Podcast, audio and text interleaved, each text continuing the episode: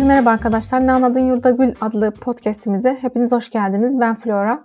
Bugün yanımda Hümeyra ve Emsa var. Merhaba arkadaşlar, nasılsınız? İyi, Merhaba. Keyifler nasıl? Evet, iyiyim. Sen nasılsın Flora'cığım? Ben de iyiyim çok şükür. Yuvarlanıp gidiyoruz. Bugün sizinle 2018 yapımı Shoplifters filmini konuşacağız. Bu film aslında bir durum filmi değil ama ben yine de olaylar silsilesini ardı ardına bir zaman kapsamında anlatmak istemiyorum. Onun yerine kısaca özetleyeceğim. İlk partındaki durumu ortaya koyup zaten ikinci kısmındaki olayları arkadaşlarla beraber e, ele almak istiyorum. O yüzden sadece şunu söyleyebilirim. Bu filmde Kore'ye da bize birbirleriyle kan bağı olmayan hem suçlu hem güçlü bir aileyi anlatıyor. Neden bu ifadeyi kullandım? Birbirleriyle kan bağları yok ama bunu biz ilk başta anlamıyoruz. Yani filmin başında baba oğul zannettiğimiz e, karakterler işte arakçılık yapıyorlar. Arakçılık diye çevrildiği için shoplifters öyle söylüyorum ama aslında hırsızlık yapıyorlar. e, hırsızlıklarının ardından evlerine döne, dönerken küçük bir kız çocuğu görüyorlar. Soğukta üşümüş aç bir şekilde. Onu da yanlarına alıyorlar o günlük bakalım diye ama e, uzun soluklu bir e, konaklama oluyor bu süreç. Ve bununla beraber biz dahil oldukları ailenin tırnak içinde bir aile olduğunu görüyoruz. Sanki kan bağları var olan, işte büyük annesi olan, annesi olan genç bir kız var. Onun tam olarak e, onların kızı mı yoksa kız kardeşi mi vesaire bir anlamıyoruz ama bir aile var olduğunu zannediyoruz. Ama e, Kore'ye da bize film boyunca ara, ara ara sinyallerini çakıyor. Yani bunlar bir aile değil, kan bağları yok. Ya da var olan normal bir aile değil en azından. Bunu zaten sık sık görüyoruz. E, hem suçlu hem güçlü diyorum çünkü hepsi suçlu. Yani hem o baba oğul zannettiğimiz e, karakterler yani baba rolünde Osamu, oğul rolünde e, Shota değil mi? Yani hı hı. gerçek adları değil oradaki isimleri, karakter isimleri. E, bunlar hırsızlık yapıyorlar. Bazen baba arabanın camını kırıp içinden bir şey alma gibi e, mala zarar verme suçlarını da işliyor. E, yasal bağlamda konuşmak gerekirse. Anne zannettiğimiz karakter Nobuyo aslında bir ütücü ama gömleklerin cebinde bulduğu işte kıymetli ya da kıymetsiz bile olsa işine yarayacağını düşündüğü eşyaları cepliyor mesela. Ya da belki e, yasal olarak bir suç değil ama toplum nezdinde kabul görmeyecek bir meslek icra eden genç kız Aki bir e, seks işçisi. Bununla beraber büyük anne de hem mağazada soyunma kabininde e, kıyafet çalıyor mesela hem de o da aynı şekilde hile, hurda, yalan dolanla haraca bağladığı bir aile var mesela. Baktığında hepsi birbirinden suçlu garip bir aile. Ama e, hem de güçlüler. Neden güçlüler? Çünkü çok mutlular yani hallerinden gayet memnun hepsi. Zaten film boyunca sık sık aile kan bağıyla mı olur yoksa birbirlerini sevme, güvenme, o ilgi kapsamlı ilişki yeterli mi? E, bunu zaten sorgulatan bir film. O yüzden güçlü olduklarını da söyleyebiliriz. Çocuğun kırılma noktasına kadar, kırılma anına kadar zaten hepsi mutluydu. Ta ki çocuk biraz daha o oğlan e, şota yaptığı doğru mu, etik mi ya da belki e, öğrendikleriyle çalışıyor. Okulda öğrendikleri, kitaplarda gördükleri vesaire. Bu bağlamda bir sorgulamaya giriyor. Bundan sonra da artık filmin akışı biraz daha farklı bir yöne evriliyor diyeyim. Bu şekilde durumu ortaya koyabiliriz bence. Çok fazla şöyle oldu böyle oldu şeklinde özetlemek istemiyorum. Ama e, zaten olayları konuşacağımızı düşünüyorum. E, sizler genel olarak neler düşündünüz? Puanınız neydi? Bunlardan bahsetmek ister misiniz? Ben genel olarak filmi çok sevdim. Daha öncesinde de izlemişim. Hatta o zaman 9 puan vermişim. Benim hatta Letterboxd'da şeyin e, profil fotoğrafımda Aki ile işte Lin'in e, aynada daha yeni saçını kestikten sonra kontrol ettikleri fotoğraftı. E, yani sahneydi. O yüzden filmi çok seviyordum ama o kadar aradan 3 yıl kadar zaman geçmiş. O yüzden neredeyse çoğu şeyi unutmuşum. Tekrardan izledim ve tekrar izlediğimde de sevdim. Son kısımda hatta özellikle gözlerim falan doldu gene. Lin'in balkonda tek başına Nabuya mıydı anne karakterin ismi? Anne Nabuya aynen. Nabuya. Onunla birlikte söyledikleri tekerlemeyi tekrar ederek e, aileyi beklediği sahnede gözlerim dolarak e, bitirdim filmi. Filmin şey kısmı hoşuma gitti. Hem aile kavramını çok çok eleştiriyor. İşte çünkü her karakterin aslında aile geçmişine baktığımızda e, sanırım bir tek baba dışında herkesin bir aile travması var. İşte büyük annenin ölmüş kocasından bahsederek işte bir terk edilmiş bir aile gibi bir durumu var.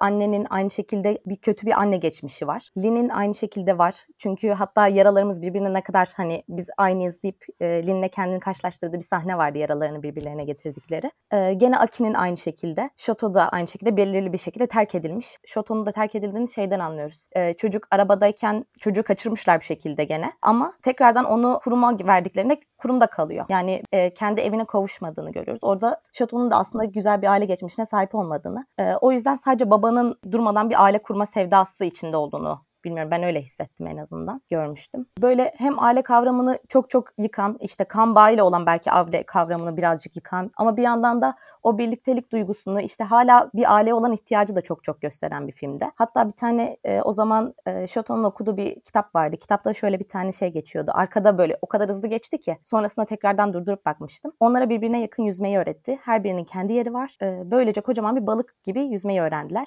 büyük balıkların hepsini kovdular. Gerçekten bu ilk başta dedin ya hem suçlu hem güçlü aile.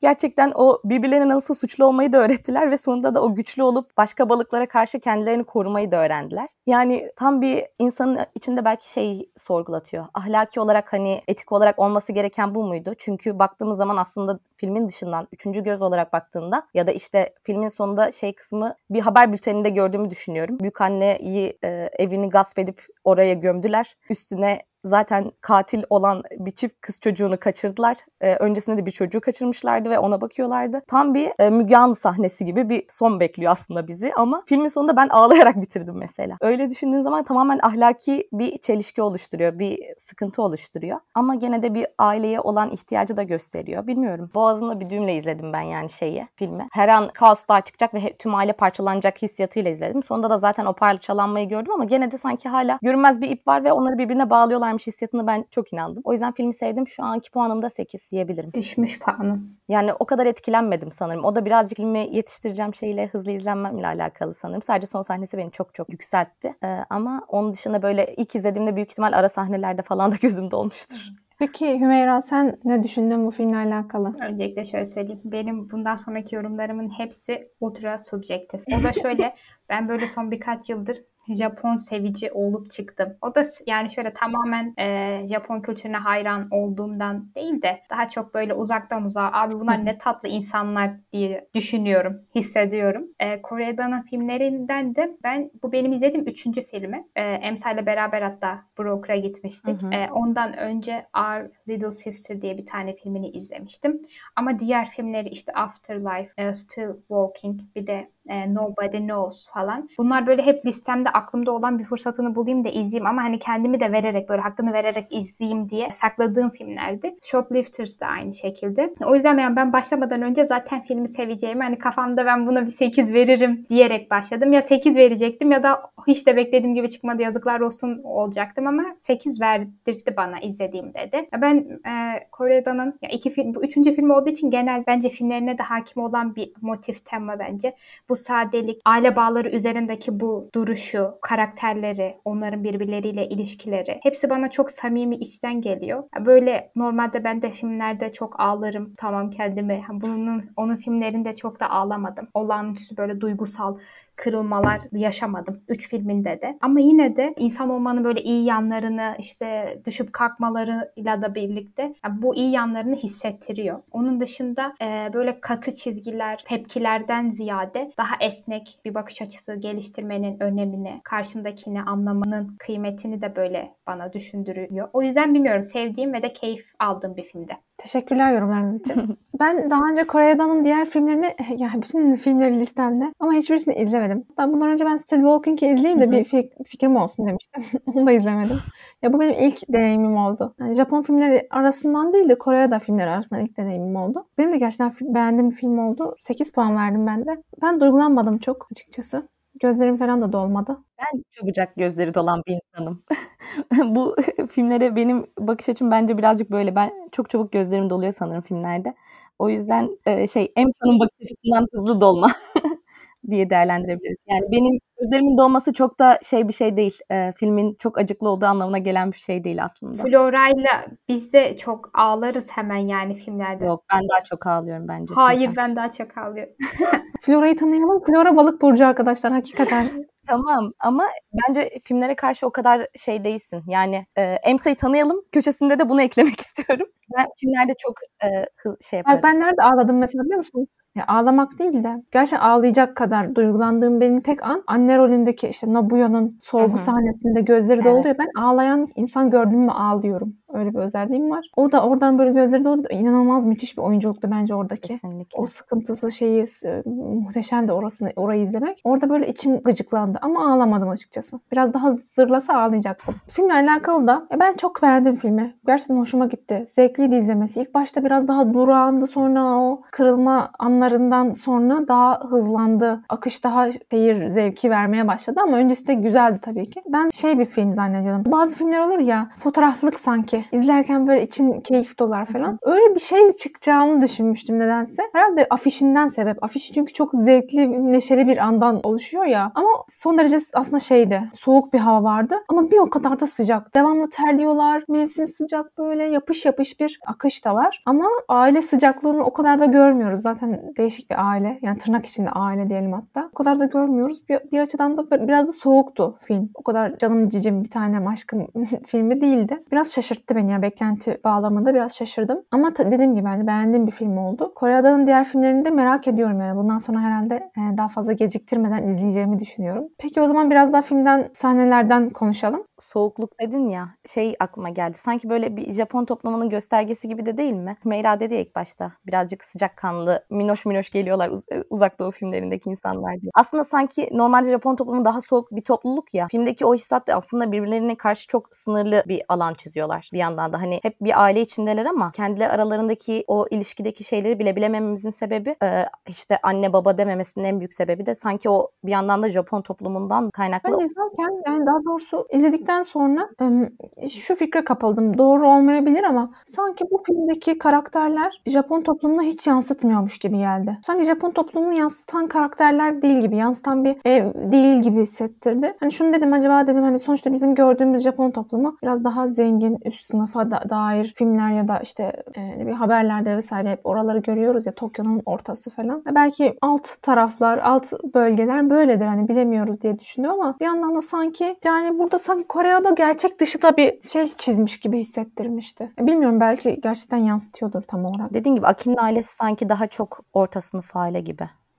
Ben de şey ya iklim konusuyla sıcaklık konusuyla alakalı e, benim de şey dikkatimi çekmişti. Mesela sürekli işte terlediklerini görüyoruz. Üzerlerinde kıyafet tutmak istemiyorlar. Böyle camı açıyorlar hava gelsin diye ama zaten dışarısı da çok sıcak ve hani o terli halleri böyle e, havanın sıcak olmasının bile ne kadar sınıfsal etkilerinin olduğunu bence güzel gösteriyordu. Ve de bir yandan da e, şey de aklıma geldi. Bunu şimdi Flora söyleyince bu şekilde düşündüm. Başlangıçta o aile birlikteliklerini en azından muhafaza edebildikleri o kısımlarda sürekli hava sıcak. Yani böyle bir paralellik var ama sonda artık hepsi koptuğunda kış ayının geldiğini görüyoruz ve de belki işte o aralarındaki o mesafeyi de o soğukluk temsil ediyor. Hoş bir ta- rastlantı da olmuş olabilir. Evet, yo ben şimdi sen deyince dikkatimi çekti gerçekten. Kar yağıyordu, karla birlikte oynayarak. Babasıyla ayrıldı sahnede, karın yağdığı gündü. Bir de e, kızı buldukları zaman da evet. soğuk. O zaman evet. zaten geçen şu, e, yılın Şubatı mı ne diyor ya sorguda. Hı hı. Kızla beraber yaz da geliyor oraya resmen. Şehre birisi gelir ya da birisi şehri terk eder ve film başlar. Tam dinin gelişiyle film başlamıyor mu? Bir yandan da aslında hikaye hep böyle evet. devam ediyormuş. Bir süreklilik de var. O gelmiş, bu gelmiş. Benim şey çok hoşuma gitti. Aile olmadıklarına dair o hissi az buçuk kapıyorsun ama sonuna kadar tam olarak ne olup ne bittiğini, bunların peki bağları ne? Onu çözemiyorsun. Bir yandan filmi asla e, bu gizemin çözülmesi adına izlemiyorsun. Tamamen e, akışına kapılıp izliyorsun ama bir yandan da e, bu beklentiler de boşa çıkmıyor. Söyleniyor. Hiçbir sahne boşa e, harcanmıyor. Bence çok güzeldi. Yani yönetmen bence e, böyle küçük yavrunu büyütürsün ya özenle yani o şekilde bir film yapmış. Çekim açıları, o su, bu su her şeyi çok güzel düşünülmüş geldi bana. Bence de oyunculuklar da bunu çok beslemiş küçük kızın oyunculuğu bile böyle ilk başta e, o çekinik tavrı sonrasında abi deyip e, yaklaştığı hani bir yerden sonra tam bir kırılma oluyordu ve gerçekten aile hissettikleri bir aşamaya geldiklerinde küçük kızın tavrı bile o kadar kendini hissettiriyor ki varlığını hani filmdeki o sıcaklığı arttıran şey e, küçük kızın tatlı tatlı elbise giymeleri. Diyorum ki tamam işte tam yaz geldi eve. Bilmiyorum çok tatlıydı. Kız çok tatlıydı ya. Bir de böyle bıcır bıcır dolaşıyor da etrafta. Aynen. Gerçekten. O çocukla e, abi kardeş ilişkileri de benim çok hoşuma gitti. Değil mi? E, izlemesi zevkliydi gerçekten gerçekten. Bazen dedim ki hani acaba bu dizi olsa izletir miydi kendini? Hani yavaş yavaş e, işlense bu kızın kabul e, aşamasını falan görsek. Çünkü anne karakteri Nobuyo ilk başta istemiyordu. Götürün çocuğu. Kaçırmış gibiyiz falan. Sonra yavaş yavaş bağlandı. O bir de e, yaraları falan aynı yerdeymiş bilmem öyle evet. şeyler vardı ya. O da bence onun bağlanmasına çok etki etti. Ama ben şey size sormak istedim. O, bakmadım da hiç internette falan ama kızın kıyafet e, bakması ve özür dilemesi vardı ya sonra annesinin yanına gittiğinde de işte annesi sana kıyafet alalım mı dediğinde kız korktuğunu falan görüyorduk. Evet. O, onu çok o ilişkiyi ben çözemedim. Yani şöyle mi? Ne zaman dövse annesi ona kıyafet mi alıyormuş? Öyle bir şey mi var? Yani ben öyle düşündüm açıkçası. Şey gibi hani gerçekten e, özür dilenecek bir eylem gerçekleştiriliyor ya da işte bir korkutucu bir eylem gerçekleştirilmiş gibi hani kıyafet alınmasının sebebi e, onun dövülmesi için bir sebep gibi ya da işte kıyafet alınıyorsa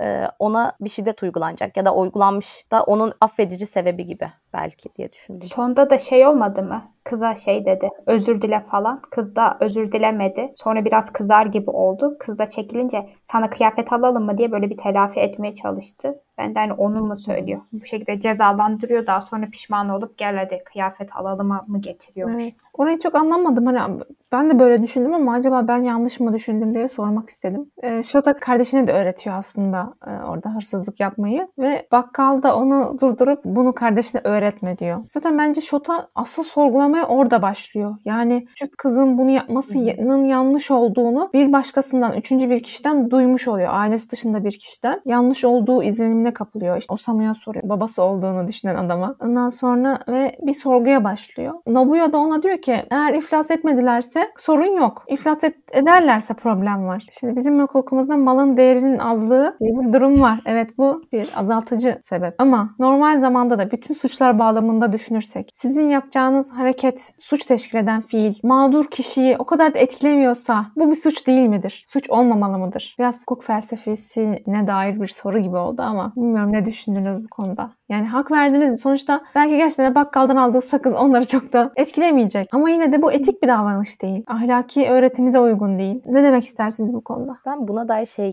ilk izlediğimde mi ne okumuş muydum? Yorum mu görmüştüm? Tam hatırlamıyorum. Japon toplumunda hani filmin dedik ya hatta bize göre baktığın zaman gerçekten hırsızlık hani eylemsel olarak yaptığı şeyler. Japon toplumunda buna arakçılık hani daha masum bir terim olarak veriyorlarmış ve böyle minik eylemlerin bir tık daha hoş görüldüğü bir toplumsal yapı olduğunu söylüyor. Belki onların ahlaki öğretimi örtülerinde anladığım kadarıyla birazcık daha bu masumane bir davranış. Sıkıntı bence bizim ahlaki değerlerimizle ya da işte toplumsal değerlerimizle bunun bir alışkanlığa çevrilerek e, çocuğun son, şatonun sonrasında ilerleyen zamanlarda diyor ya hani arabadan bir şey çalarken hani o aracın da bir sahibi var. Sen mallar için diyordun ki işte mağazadaki mallar için onların daha sahibi yok. O yüzden alınabilir diyordun. Ama aracın sahibi var. Hani sen oradan nasıl alırsın diyor aslında çocuk olarak da benim de bir sahibim vardı hani beni nasıl aldın gibisinden bir şey getiriyor. Bunun alışkanlığa dönecek olması işte ve onda o sözde masum davranışın zamanla çok daha büyük şeylere sebep olacağı. Bunun şatoda kendi farkına varıp işte ben kendimi bilerek yakalattım. Bunun artık son verilmesini isterim. Hani birazcık daha kız kardeşini koruma içgüdüsüyle belki harekete geçiyor. Ona da, da çok güzeldi. Yani kız kardeşi çünkü yanlış bir şey olduğunu artık anladı. Bunu tamamen kanıksadı Hı-hı. ve kardeşi yapmasını istiyor. Yani bunu ona söyleyen birisi olmadı. Kardeşine yaptırma diyen bir tek bakkaldı.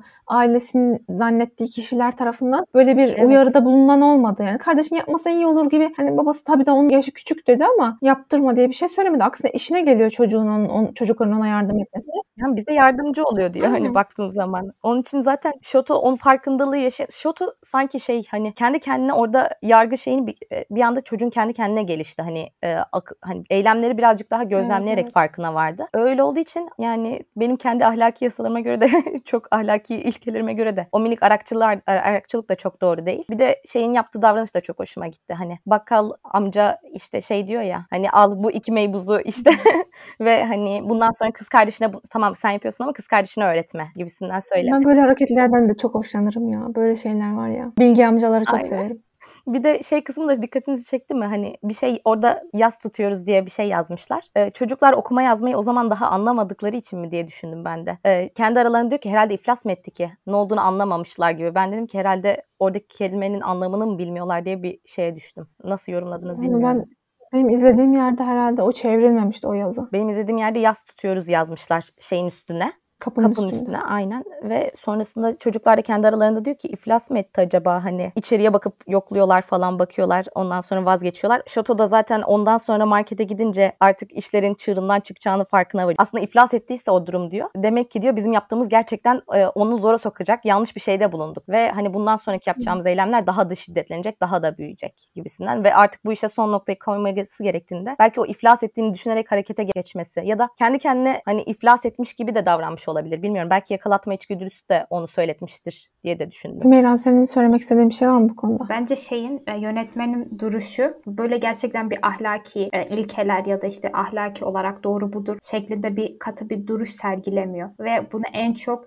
tüm bu sorgulamaların merkezinde küçük bir çocuğun olmasından da anlayabiliriz. Ve geleneksel olsun toplumsal bu katı normların, kuralları eleştiriyor. Bu eleştiri e, daha çok bunlardan muzdarip bir grup insan bağlamında yapılıyor. O da işte o evin, o aileyi oluşturan yetişkinler oluyor. Aynı şekilde o küçük çocuklarda yine bu yetişkinlerin kurduğu ve de uygulamaya geçirdiği normların hakkaniyetini mi sorguluyor diyeyim. Böyle bir durum var ortada. Ve bence e, o küçük çocuk daha en başta onlara anne baba demekten imtina ettiği andan itibaren zaten oradaki onların da kurduğu o düzenine karşı temkinli yaklaşıyor. Ve daha sonra kız da geldiğinde işte o senin kız kardeşin dediklerinde yine bunun da çok tabii bir şey olmadığını kabul edilmesi yani ha sen kız kardeşim dedin diyor benim kız kardeşim olmayacak kadar da basit ve de yani çok doğal bir tepki veriyor orada. Ve bence yani çocuğun bir şeyleri anlama çabası, daha sonra bunu anlamaya çalışırken sorgulamaları, bu şekilde kurduğu diyaloglar ve ona e, yetişkinlerin verdiği cevaplar ya böyle yönetmenin bir duruşu ya da bir öğretisinden ya da hani bana ya o şundan sebep bunu söylüyorum. Onların eylemleri ne kadar etik, ne kadar ahlaki diye e, sorgulamayı böyle önemsizleştirdi. Sadece gerçekten böyle bir durumda tüm bu diyaloglar karşılıklı birbirini anlama esası üzerinden nasıl kurulabilir? Bir çocuğun dünyasında ne bileyim nasıl cereyan eder? Tüm işte ta büyük devletten topluma, toplumdan bireylere e, yansıyan tüm bu ilişkiler örüntüsünü nasıl böyle anlayabiliriz? Hep bunları düşündürdü. Ve de tercihleri çok hoşuma gitti. İşte evet çocuğun bunları sorgulaması, ondan başlaması, düzenin de yine çocuğun sorgulamaları yüzünden böyle sekteye uğraması. Sonunda geldikleri o noktada aslında çocuk mesela sorumlu gibi. O an bacağı kırılmasaydı, şu bu olmasaydı bunlar olmayacaktı belki. Ama bir yandan baktığında aslında hep kendi yapıp ettiklerinin bir sonucu. Bunların böyle gösterildiği şekli bana çok hoş geldi. Ee, onun dışında bir de şey de çok hoşuma gitti. Epey tartışılmalı bir şey olacak ama hani o hırsızlığı bir meslek olarak değil de bir takım işlerde de çalışıyorlar. Ek gelir gibi göstermesi de ya bana şey açısından iyi geldi. Yani bu insanlar hırsızlığı gerçekten hobi olarak yapmıyor. Orada geçim sıkıntısından bahsedilmesi, şu bu olması. Yani hırsızlık evet kötü bir eylem. Evet ahlaki değil. Evet şöyle evet böyle işte suç şu bu. Bunları konuşmak gerçekten çok kolay. Hele ki hiç hırsızlık gibi bir şeye senin koşulların seni buna itmediyse. Ama burada yaptığı şey yani bu kadın işte çalışıyor ve de nasıl bir e, iş ortamı var. Yani iş arkadaşıyla ikisi arasında yani resmen birbirine düşürüp işten ayrıltmaya çalışıyorlar. Adam aynı şekilde çalışma koşulları ortada. Diğer kızın nasıl bir e, geçmiş olduğunu, tercihlerinin kaynağının ne olduğunu ben çok anlayamadım. Ya da e, ninenin de aynı şekilde. Ama demek istediğim yani böyle çok bilindik böyle ön yargılarla değil de daha fazla. Hani bakın bu boyutu da var demesi benim çok hoşuma gitti. Yani daha farklı açılardan da sorgulamayı bu yüzden de e, daha farklı böyle tepki gösterebilmeyi, daha farklı böyle daha farklı bir şekilde harekete geçirmeyi de bence mümkün kılıyor bu bakış açısı diye de düşündüm. Nerede izlediğimi hatırlamıyorum. Bir yerde diyordu ki aslında çok e, muhtaç değiller onlar. Ya bunu yapıyorlar ama hırsızlık yapıyorlar ama e, o kadar muhtaç değiller. Mesela kadın işten çıkarıldığında kendisine yeni makyaj malzemeleri alıyor, bilmem ne yapıyor. Hani bu böyle bir imkanı var. Bir çalışıyor. Onun dışında büyük annenin haraç kestiği kişiler var vesaire. Ya baktığında çok muhtaç değiller. Bunu yaparken biraz daha rahat yaşamak, işte kroketini de almak, şunu da almak yani boğazlarından da kesmemek adına yaptıklarını söylüyordu. Tabii bu da bir yorum. Bunu tam olarak ortaya koymuyor. Çünkü biz yaşadıkları geçim sıkıntısını hiç görmüyoruz. Ama yaşadıkları yer, işte evleri, giydikleri yani çok da güzel değil bu anlamda. Bolluk bereket içinde yaşamadıklarına da şahit oluyoruz. Onu tam bize vermiyor bence film. Bunu ihtiyaç duydukları mı için yapıyorlar? Yoksa biraz gerçekten de hak mı görüyorlar kendilerine? Zaten diyor ya iflas edene kadar çalmanda sakınca yok. Biraz sanki şey var. Senin seviyende ya senin alt seviyendekinden alamazsın. Ama üst seviyendekinden almak senin hakkın. Ya senden daha iyi durumda olan kişiden alabilirsin. Yoksa o bakkal zengin mi de? Ama hayır onlardan bir, biraz daha üstte varlık açısından. Ya senden daha varlıklı birinden alabilirsin. İlla çok zengin olmasına gerek yok. Ama senden daha varlıklıysa alabilirsin. Senin seviyende birinden alamazsın. Ona yardım edeceksin. Hatta biraz yardımlaşma da var. O çocuğu yanlarına alıyorlar ve bir boğaz daha doyuruyorlar aslında. O çocuk ona bir katkıları yok. Öyle yani kötücül kişiler değiller yani aslında iyi kalpliler. Peki e, şunu da sormak istiyorum. Size nasıl hissettirdi Shota'nın yakalandığında gerçekten kaçacak olmaları? Ben ilk başta inanamadım. Dedim ki bence kaçmayacaklardı. Ya, inkar ettim kaçacaklarını. Ama gerçekten kaçacaklarmış. Yani nasıl hissettirdi size? İhanete uğramış. Ya ben minikten bir ihanete uğramış hissettim Şato adına. Bir yandan da makul buldum. Yani onların normali sanki buymuş hissiyatına kapıldım. Ama onların verdiği o güven aile yapısı yani onları birbirine tutan şey bir yandan hem Şato'nun hissettiği şey belki o güvensizlikti. Anne baba dememesinin sebepleri işte e, birbirlerine karşı en azından seslenirken e, kız kardeşim olarak adlandırmaması falan. Ama sonrasında o güvensizliğinin asıl sebebi de ortaya çıktı. E, onu terk edeceklerdi. Ve dedim ki haklıymışsın Şato.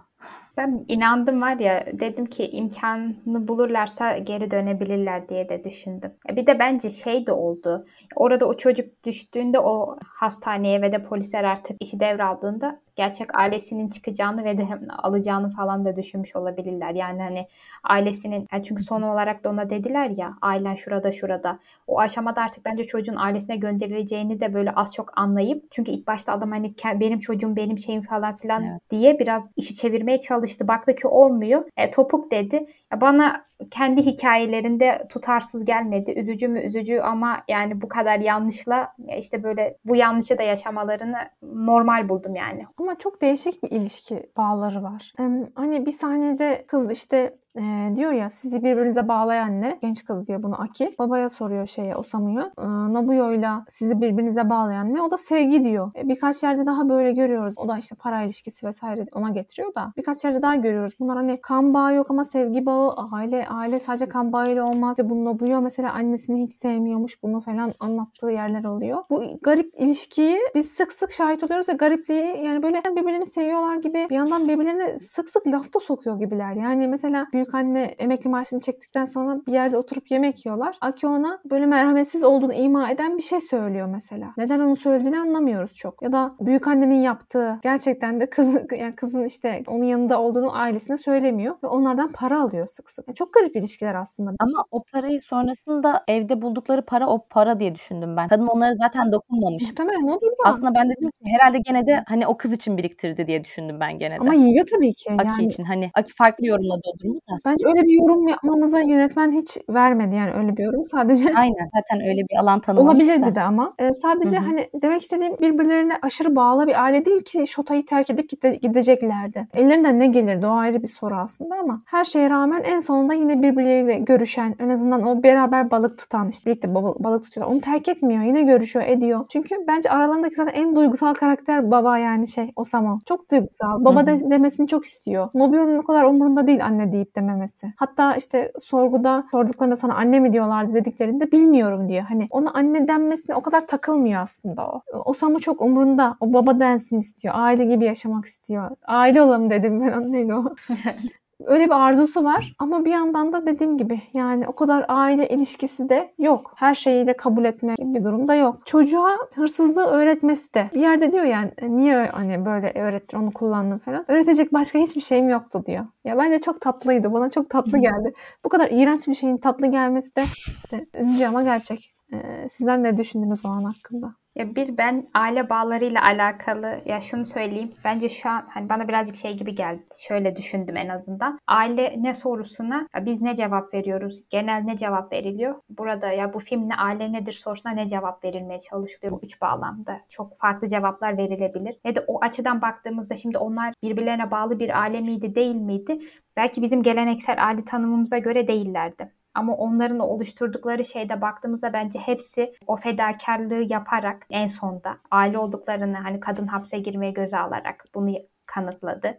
Onun dışında bence onların aileden anladığı karşılıklı anlayıştı ya. Ben hani aile nedir diye şimdi kendime soruyorum çok da bir tanım bulamıyorum ama en azından filmden anladığım aile neydi? Birbirini anlayan insanların oluşturduğu belki birliktelikte. Ya bu filmde en azından hani birbirini anlamak, yaralarını anlamak, e, anlatmaya gerek kalmadan anlamak, vurguladıkları şeyler buydu ve de kucaklamak yani birbirini. Bu sanki onları aile yapan şeylerdi ve de hani filmin sonuna kadar onlara doğru gelsin gelmesin birbirlerinde e, onaylamadıkları şeyleri bile güldüler geçtiler. Hani hafif, hafif takıldılar geçtiler ama hiçbir zaman bu ailenin o çatının dışında bırakılmış hissettirmediler bence. Ta o kız evin içine girdiği andan itibaren küçük kız ya da yetişkinlerin birbirleri arasındaki diyaloglardan ya da işte küçük çocuğa karşı yaklaşımlarından.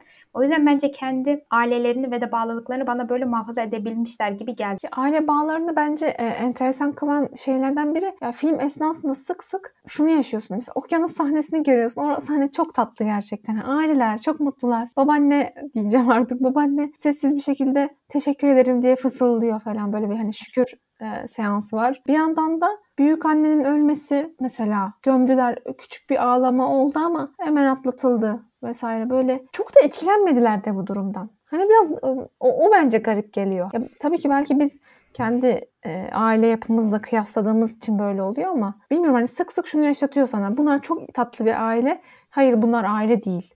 Bunlar çok tatlı bir aile. Hayır bunlar işte sadece işbirliği yapıyorlar gibi bir sorguya sürüklüyor insanı.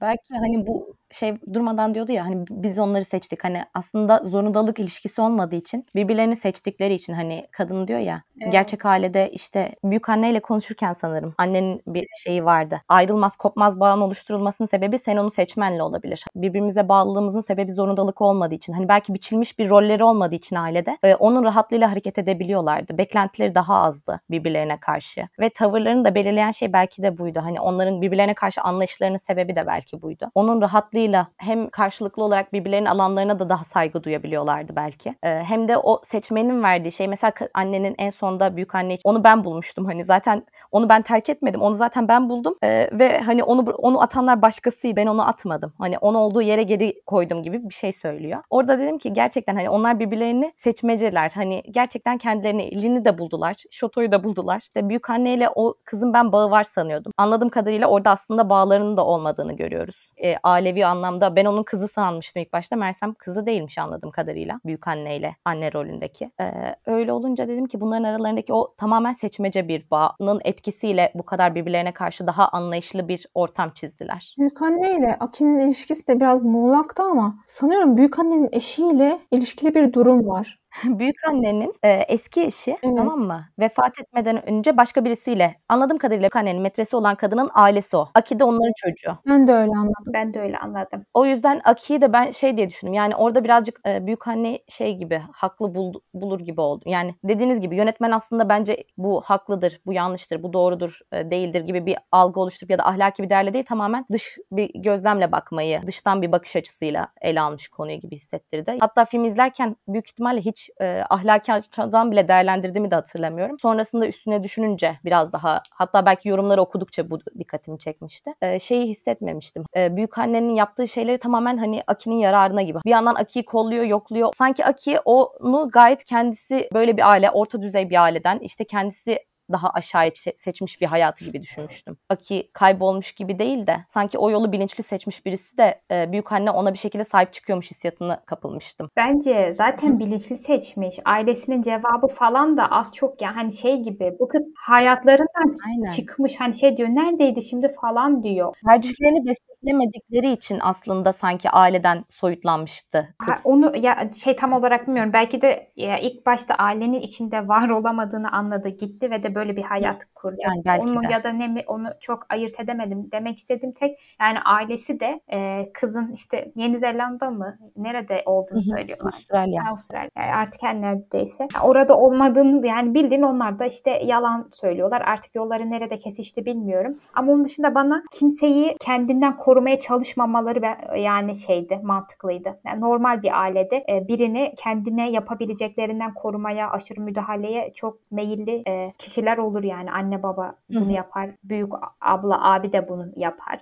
E, ama burada o bir oluşturdukları birlikte ya senin tercihin bu mu? Ya senin kendini kendinden korunmaya ihtiyacın yok. Yani seni senden korumayacağız. İlkesi üzerinde de birazcık birlikteler. O yüzden kimse kimsenin tercihlerine karşı korumacı bir şekilde yaklaşmıyor. Sadece ya sıkıntı neyse mesela ama bir derdin varsa da ayakların soğumuş bir sıkıntın mı yaşadın falan dediği yerlerde e, güzeldi bence. Yani kıymetliydi. Aile olmakla alakalı bir de şunu düşünmüştüm. Mesela o nine hani şey demiş. Yalnız ölmekle alakalı bir muhabbet geçiyordu. En azından yalnız ö- ölmeyecek. Biz yanındayız diyorlardı. Bir yandan da işte e, ama maaşını da yiyoruz. Ama işte yalnız da ölmeyecek. Böyle bir şeyler konuşuyorlardı. Mesela şunu düşündüm. Bildik bir ailede belki nine işte eşi ölmüş. Tek başına bir dairede yaşıyor. Öldü. Ama işte son günlerinde çocukları belki haftada bir geliyordu. Belki işte torunları bayramdan bayrama geliyordu. Artık hani demek istediğim o tek başına günler günlerini, gecelerini geçiriyordu. Öldü. Bir dünya insan arkasından ağlıyor. Şimdi bu mu aile yoksa bu kadın ne bileyim işte son demlerinde de olsa yanında birilerinin olduğunu hep bildi ve de işte öldüğünde de bu insanların yanında öldü yani. Ama ağlamadılar. Ya diyelim ki bu mu bir aile? Aileden ne anlıyoruz? Aileden ne anladıktan sonra birbirimize nasıl roller biçiyoruz ve de bu rolleri dayatıyoruz? Ya bunları sorgulatıyordu bana kalırsa ama e, aile şudur diye bir şey de dayatmıyordu film. Benim anladığım en azından. Bence de doğru ideal aile e, tablosu çizmiyor sana. Kusurlarıyla beraber gösteriyor. Bak seçilmiş aile de böyle olabilir. Kararını sen ver. Biraz böyle. Benim aklıma şey geldi filmi izledikten sonra. E, Gun Baby Gun diye bir tane film vardı. İzleyen olmuş muydu? Onu hatırlıyorum. Yıllar önce izlemiştim. Lisede izlemiştim hatta. O filmde de şöyle bir şey oluyor yani. Bir çocuk annesi böyle alkolik. Çocuğa çok bakmıyor. Seviyor kızını. Kızını gayet seviyor. Yani sevgi konusunda işte istismara varacak bir durum yok ama ihmal söz konusu. Çocuk çok iyi bakılmıyor yani bakımsız. Aç kalıyor vesaire. Daha sonra bir ailede işte çeşitli oyunlarla o çocuğu kaçırıyor. Bu arada Gun Baby Gun'da izlemeyi düşünmüyorsanız burayı atlamayın. Ama eğer düşünecekseniz 3 dakika ileriye geçebilirsiniz. Buraya kadar gelip dinlediyseniz. Sonunda anlıyoruz ki emniyet müdürü o çocuğa çok kötü bakılıyor. Biz çok daha iyi bakacağız diye yaşlı da bir emniyet müdürü karı koca çalmışlar. Çocuğa bakıyorlar. Çok da güzel bakıyorlar. Böyle ormanın içinde çok tatlı bir şekilde bakıyorlar. Orada şu sorgulamayı yapıyor Affleck. Annenin ne kadar üzüldüğünü görüyor. Diyor ki anne gerçekten çocuğunu istiyor ama kötü bakıyor. Uyuşturucu bağımlısı bilmem ne. Kötü bakıyor ama bir yandan da çocuğunu seviyor. Bir, orada bir kan bağı var ama çocuğun iyiliği için acaba hani e, en azından iyi bakılması için o onu kaçıran ailede kalması da çocuk adına iyi olacak. Çocuğun menfaatine olacak. Burada böyle bir ikilemde kaldığını görüyoruz. Daha sonra kararını orayı söylemeyeyim hadi. Hadi burayı söylemiyorum. Karar veriyor orada. Söyleyeyim mi söylemeyeyim mi? Nasıl sonuç? Şimdi orada Casey Affleck bir dedektif. Burada da ben benzer bir düşünceye kapıldım. Yani çocuk burada mutlu. Yuri artık hangisini söyleyeceksek. Çocuk mutlu ama kan bağı yok. Diğer tarafta istismar oluyor. İstismar olduğu için tabii ki oraya gitmesi daha doğruydu gibi bir şey söylenemez. En azından iki tarafta da sevildiği, en azından dayak görmediği bir ihtimal olsaydı belki daha zor konuşulurdu. Biraz daha evet bu Arakçı ailede kalması daha iyi diyebiliriz ama yine de kan bağı yok ve kaçırılmış o çocuk. Yani annenin ne kadar üzüldüğünü biz bilemeyiz. Tamam çocuğu istismar ediyor ama çözüm yolu bu mu? Yani bilmiyorum bu e, içsel tartışma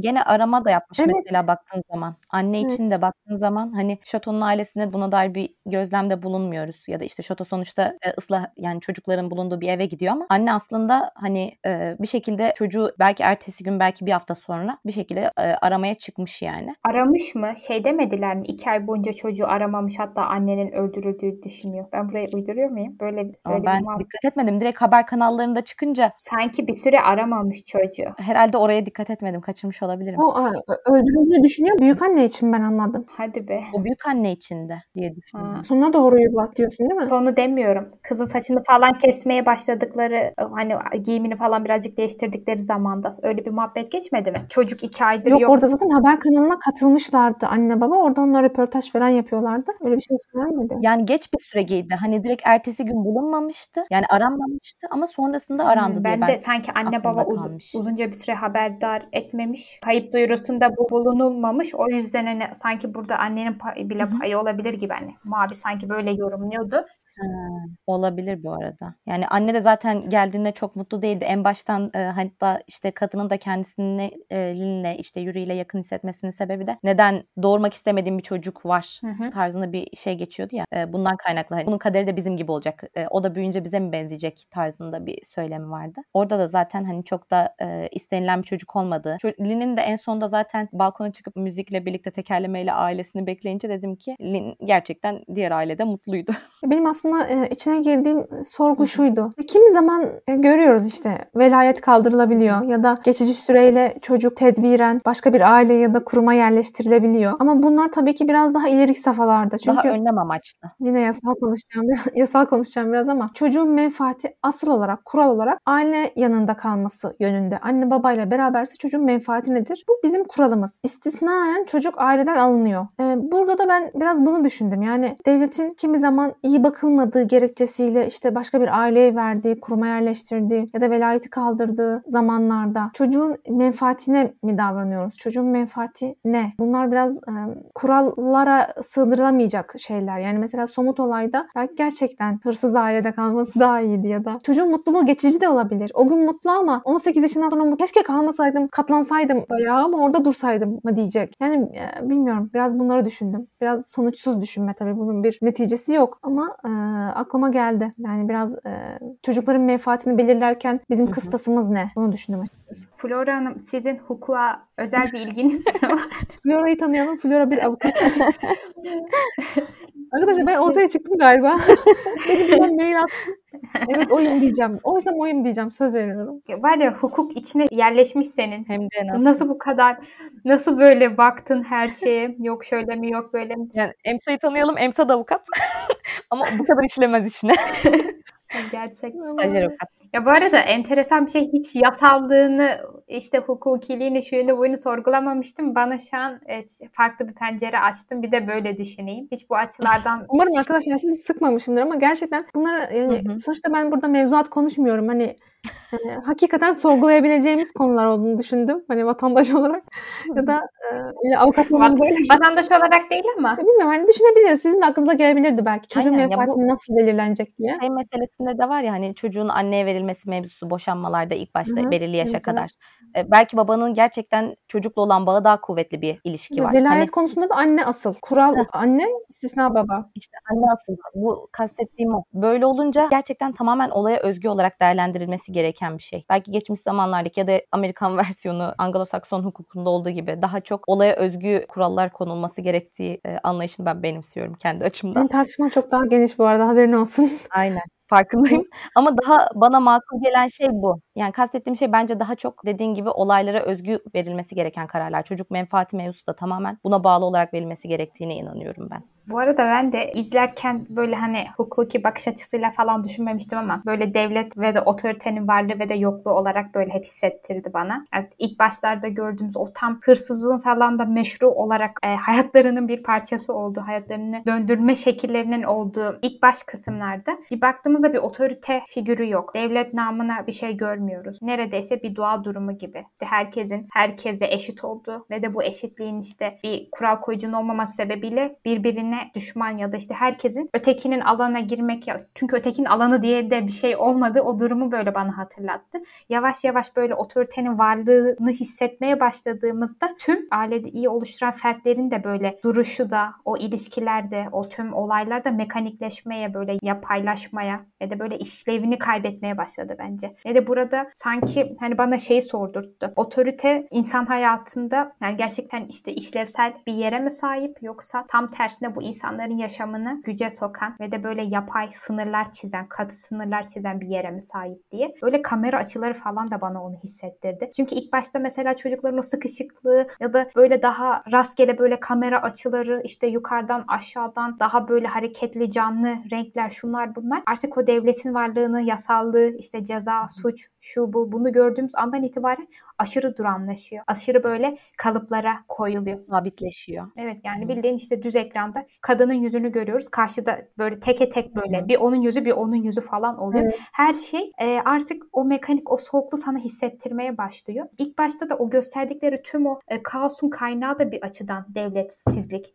o otoritenin, kural koyuculuğun yokluğu ya da işte işlevsel olmayışı sonradan da kendini göstermeye başladığı andan itibaren de hiç kimsenin faydasına hizmet etmiyor. Yine aşırı işlevini yitirmiş sadece göstermelik bir figür olarak böyle var oluyor. Evet çocuğu işte 6 kişilik bir sığınma evine koydular ama çocuk o gece yine adamın yanında kaldı ve dedi ki bu saatte de girsem kızacaklar sabaha gideyim dedi. Yani o çocuk tekrar aynı döngüye girebilir. Küçük kız başladığı yerde. Diğeri işte biri hapiste, biri şurada, biri burada. Hani baktığında hiç kimsenin yaşamını eğer ki hani devlet insan içinse yani insan için hiçbir şey yapmadan tekrardan kendi o belli kurulu düzenini muhafaza ederek onların belki işte olağan aykırılıklarını örtbas etti ve de onların işte başını ezdi. Yani bir şekilde kendi kurallarını, normlarına aykırı, kurulu düzene aykırı tüm o girişimlerini bu şekilde bastırmış oldu. Bana da yani e, bu böyle çok gözüme çarptı. Çok manipüle eden bir tarzları vardı. Yani Evet. aile sanki birbirine düşürerek bir kırma oldu. Hepsinin o güven algılısını da yıktı. İşte o e, bireyle devlet arasında ya da işte kurumlar arasındaki o bağlılığı tekrar tesis edebilmek için onun ba- kapsamının dışında kalan tüm ilişkileri, tüm e, bireyleri, varlıkları her şeyi itibarsızlaştırdı. Ve de bilmiyorum yani e, sanki hani esas bir duruş varsa burada böyle hani yönetmen bir duruş almış gibi hissettim. Bir de hani devletin müdahale ettiği, müdahil olduğu noktadan sonrasıyla öncesinde kıyasladığımızda e, hani dedik ya sıcak bir hava vardı, terliyorlardı. O dönem gerçekten kaotik bir dönem aslında. Evin düzenine baktığımızda Hı hı. da yerlerde bir şeyler var. Oralarda hani çok gerçekçi bir ev zaten ama evin düzeni yok gibi. Yani gerçekten çok kullanılmış bir ev. Devletin müdahale ettiği noktadan sonra Osamu'nun e, yerleştiği evi e, dikkat ettiniz mi? Son derece düzenli. O evden çok farklıydı. O kaotik durum yoktu artık. Devlet müdahale oldu- olduktan sonra tek düze, normal, kişisellikten uzak, biraz daha hissiz bir evdi aslında. Belki bunu Kore'de yönetmen bilerek yapmıştı onu bilemiyoruz ama o benim de dikkatimi çekmişti. Ben farkına varmamıştım. Sonra son kısımda babasıyla oğlu balık tutuyorlar ya. Evet. Oradaki oltalar aslında en başta işte birlikte aldıkları oltalar olduğunu, adamın onları satmayıp birlikte e, balık tuttuklarını Bu çok sonra tatlı. farkına vardım. O oltaların olta olduğunu ben anlamamıştım. Çok tatlı. Orada hani o baba oğul ilişkisini yaşamak istiyordu ya. Yani çok istiyordu. Onu satabilirdi Evet. satmadı. Ya Hümeyra söylemişti ya da Flör tam hatırlamıyorum da şey vardı ya. Zaten iki kişisiniz. Başka kim söyleyecek? ben söylemediysem.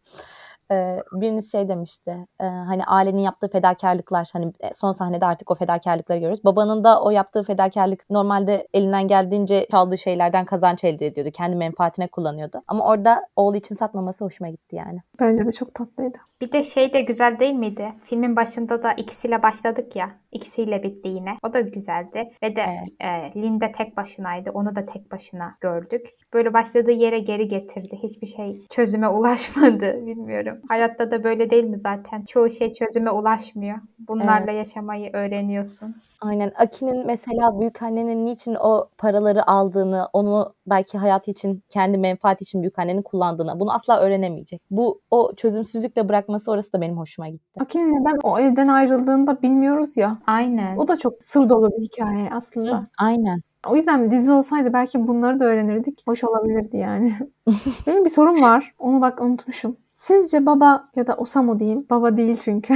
Gerçekten Shota'yı çaldı mı? Yani o arabanın içerisinden bulup çaldı mı? Yoksa onu yani evlat edinmek mi istedi? Maksadı neydi? Hani Shota'nın endişelendiği gibi mi? Yoksa baba çok masum bir şekilde onun vaziyeti kötü olduğu için mi aldı? Aynı Lin gibi ya da Yuri gibi artık hangisini derseniz. Ya ben düşünmedim üzerine ya. Ben çok düşünmedim ama sadece bana ya bir bebek arabanın içinde niye bırakılır ki? Bebek miydi gerçi onu da bilmiyorum. O Bebek ki bence ailesini hatırlamıyor. Bebek olmasaydı ailesini hatırlardı. hatırlamıyor mu yoksa gizliyor mu? Sanki birazcık gizliyor gibi de. Memurla aralarındaki diyalogda böyle bilerek bir şeyler söylemiyormuş gibi de geldi bana. Ben, ama sanki onu kendi işte şu an içinde bulunduğu aile için hani bir şeyleri gizliyor. Şey için kendi öz ailesi yani biyolojik ailesi için gizlediğini düşünmedim. Bir de e, acaba şey olabilir mi? Lin'i kaçırdı yani Lin'e el koydukları mı ne zaman diyeyim artık sahip çıktıkları zaman bu çocuk kaçırma olur mu olmaz mı aralarında konuşuyorlar. O sırada fidye de istemedik zorla da yapmadık diyor kadın. Acaba işte çocuğu fidye istemek için kaçırdılar da bunda aynı şey yapmıyoruz demeye mi getiriyorlar bilemedim. Ama zorlamamıyorum. Ben de emin olamadım. Yani ım, bir yandan yani babanın inkarı çok sahte bir inkar gibiydi çocuk sorduğunda. Hani Şota babaya bu soruyu yönelttiğinde olur mu öyle hani böyle gözlerini kaçırmalı bir söylüyor gibiydi. Orada acaba ulan bunu da mı yaptınız be falan. Zaten terk ediyordunuz çocuğu gibi oldum. Ama bilemiyorum. Bir yandan da e, sonuçta e, Lin'i acıdığı için aldılar. Menfaat beklemiyorlardı. O çocuktan da beklemiyor olmaları mümkün. Bir de bana şey gibi geldi hani Şato'nun sonrasında aranmaması. Bir de anneyle Şato'nun arasındaki böyle çok yüksek bir bağ yok. Bir tane işte kola içtikleri bir sahne var. Onun dışında böyle çok sağlam bir bağ olmaması sanki onu hani kendi çocukları e, olsun diye böyle ekstra çaldıklarını düşündürtmedi bana. Bence de. Ben Bence e, de. Bu Nobuya'nın hakikaten anneliğine çok meraklı olduğu için Aynen. şey yaptığını zaten düşünmedim hiç. Ama onun anne kız ilişkisiyle alakalı bir derdi olduğu da belliydi yani. Kendisinden yola Evet. çıkarak o Yuri'ye bağlanması biraz onunla ilişkiliydi. Şeyi de izledik ya Emsa. Broker'da hatırlıyor musun? Çok fazla. Orada da ya bildiğin aynı temaları işliyor. Our Little Sister'da da biraz öyle gibiydi. Ya babaları ya orada üç kız kardeşlerdi. Babaları ölüyor. Bir tane daha kardeşleri var. O kız o kız da böyle yine onda da daha böyle anne figürü problemliydi. O kızı yanlarına alıyorlar falan. Aslında tamam üvey kardeşler ama hani çok da bir bağları yok. Bildiğin yeniden tanışıp bir aile kuruyorlar. Onları ailelerine alıyor. Broker'da da aynı şekilde bebek hırsızı iki adam, bebeğini Evet. satmaya çalışan bir kadın, küçük bir çocuk. Yani böyle bir yine aile kurma. Tekrardan gene bir aile kurma. Walking'de de gene benzer tarzdaydı bu arada. Yani Evet. gene bir aile kuramı üzerine ilerliyordu. Ha, bir de şeye falan da şu temalara da çok değiniyor. Seks işçisi kadınların yaşadığı hı. o hayat. Yani mesela çocuğu oluyor. O çocuğu doğuracak mı, doğurmayacak mı? Doğurduktan sonra ne yapacak? Yani bir babası var mı, yok mu? Ne olmalı? Orada da çünkü e, çocukları ne yapıyorlar? Ya aldırıyorlar ya da sokağa falan bırakıyorlar. Bir uygulamaya geçiyorlar. Bebek kutuları var. Bebeği oraya bırakıyor ki en azından devlet yetimhanelerde falan bu bebekleri hani büyütüyor. Ve isim vermeksizin bunu yapabiliyor. Yani onunla gerçekten bağını kopartabileceği bir şekilde bir uygulamaya geçiyorlar. Aynen. Ya öyle gibi. Ama orada da yani yine onlar da aslında çok daha hani enteresan ilişkiler üzerinden birbirlerini anlamaya ve de böyle sığınak olmaya falan çalışıyorlar. O da ya benz- benzer şeylerdi. Bir yorumda şey görmüş. Tefalet pornosu gibi bir, bir konu işliyor aslında ama konuların hiçbirisinde insanlar için aslında o kadar da dram haline getirmeden çok olağan bir mevzuymuş gibi ya da işte tamamen farklı bir kurgu olarak ilerletebiliyor. Yani gerçekten onun bizim için bir acı verici bir deneyim olarak değil de yaşanılabilir yani aslında çok kötü olan yani bizim için gerçekten ağır dram diyeceğimiz şeyleri çok olağan göstermesiyle bilmiyorum. Bence çok başarılı bir yönetmen. Bir de bence şey ya şiddeti çok barındırmıyor ya filmleri. Onun da etkisi Evet. var. Yani şiddet üzerinden duygu sömürüsü yapmıyor. Ya böyle şiddet sahneleri falan bazen çok e, canı acıtıcı oluyor ve hani burada yani anlatılmak istenen her şeyin ötesine geçen bir boyutta oluyor. Ya bu kendi filmlerinde bence daha az ya. Mesela bir şiddet konuşması olabiliyor. Yani bir şiddet uygulanmış. Bunun bahsi geçebiliyor ama görüntüsünün olmaması da bence etkilemiş olabilir. Ve de şu da bence çok güzel. Japon toplumunu temsil ediyor mu etmiyor mu falan diye sorgulatmıyor bana. Bence şu açıdan da güzel. Bu adam e, yine aynı temaları e, Kore'de de çekiyor. Broker mesela aslında Kore yapımı bir film. Çünkü tüm oyuncular Koreli ve de yine hikaye de Kore'de geçiyor. Daha sonra başka bir filmi daha var. Adını hatırlamıyorum ama Fransa'da hatta ünlü bir Fransız oyuncu var ya şeyde oynayan. Juliet bir şeyler. Adını telaffuz edemiyorum ama bilmişsinizdir en ünlü olan. Onun baş Hangisi? ya üçlemede oynayan Mavi filminde oynayan. Aa, evet evet. Köprü üstü aşıkları falan. Hı hı. Tüm o. Ha, o. O kadın oynuyor mesela. Bence hani burada yaptığı çok daha insanların böyle ortak noktalarını bulup onları anlamaya çalışmak. Tabii ki de farklılıklar da var. Kültürel ya da işte coğrafi. Ama yani bu film kendi filmlerini farklı ülkelerde farklı kültürden insanlarla da çekebilmesinden de e, böyle hani şey de diyebiliyoruz. insanı anlamaya gerçekten çalışıyor gibi de hissettirdi bana. O zaman arkadaşlar burada bitiriyoruz. Bu arada Emsa sen e, sık sık e, şato dedin haberin olsun aslında çocuğun adı Şoto. Şota mı? Şota demem de üzücü. O zaman bizi dinlediğiniz için teşekkür ederiz. Haftaya bir başka bölümde görüşmek üzere. Hoşçakalın. Görüşürüz. Görüşürüz.